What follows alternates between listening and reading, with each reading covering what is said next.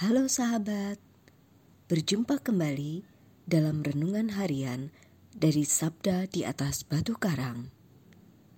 Hari ini, Kamis 13 Oktober, merupakan pekan biasa ke-28. Dan gereja memperingati Santo Eduardus, Raja Inggris dan pengaku iman, serta Santa Eustokia OSB pengaku iman. Renungan kita hari ini terinspirasi dari bacaan kitab suci. Bacaan pertama dari surat Rasul Paulus kepada jemaat di Efesus, bab 1 ayat 1 sampai dengan 10. Dilanjutkan dengan bacaan Injil suci dari Injil Lukas, bab 11 ayat 47 sampai dengan 54. Mari kita siapkan hati kita untuk mendengarkan sabda Tuhan.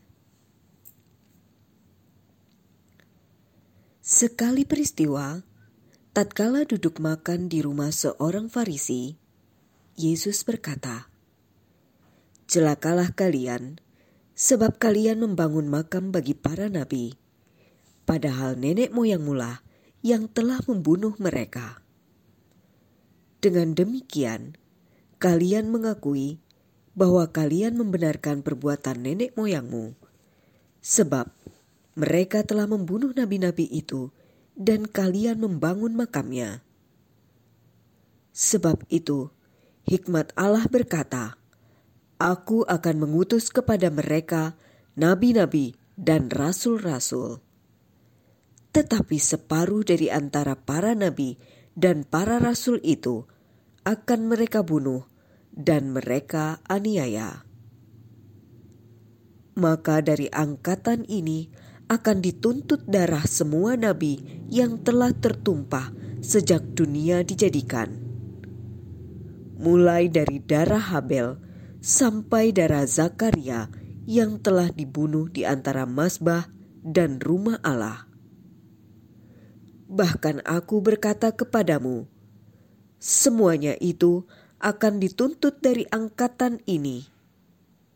Celakalah kalian, hai para ahli-ahli Taurat, sebab kalian telah mengambil kunci pengetahuan. Kalian sendiri tidak masuk ke dalamnya, tetapi orang yang berusaha masuk, kalian halang-halangi. Dan setelah Yesus berangkat dari tempat itu, para ahli Taurat dan orang Farisi terus-menerus mengintai dan membanjirinya dengan rupa-rupa soal. Dengan itu, mereka berusaha memancingnya supaya mereka dapat menangkapnya berdasarkan sesuatu yang diucapkannya. Demikianlah sabda Tuhan. Terpujilah Kristus. Saudara-saudari yang terkasih, memberitakan suatu kebenaran atau menjalankan hal yang benar itu tidaklah mudah. Orang cenderung memutarbalikkan kebenaran untuk membuat orang lain menderita, dan sering hanya demi kepentingan diri sendiri. Dalam bacaan Injil hari ini, dikisahkan tentang Yesus yang kembali menegur orang-orang Farisi dan ahli Taurat. Yesus menegur mereka karena mereka mengabaikan banyak hal penting dalam hukum Taurat. Seperti misalnya mereka berpura-pura menghormati para nabi yang dibunuh oleh nenek moyang mereka. Sementara mereka sendiri membenci dan membunuh para nabi yang menyerukan pertobatan.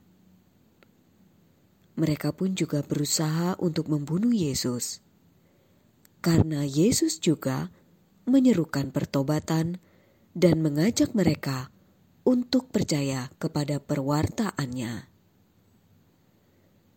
Saudara-saudari yang terkasih, sikap-sikap karakter orang-orang Farisi atau ahli Taurat tersebut juga bisa terjadi pada diri kita saat ini.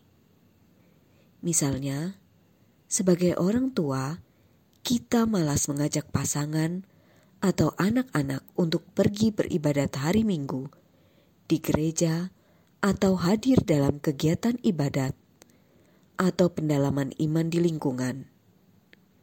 Kita suka menghalang-halangi orang lain untuk hidup dalam kebenaran dan terang Injil. Semoga sabda Tuhan hari ini mengingatkan kita untuk menjadi orang Kristiani yang sungguh-sungguh konsisten dan memiliki integritas beriman serta terhindar dari kemunafikan diri. Ya Yesus, semoga aku mampu bersikap konsisten dalam beriman. Amén.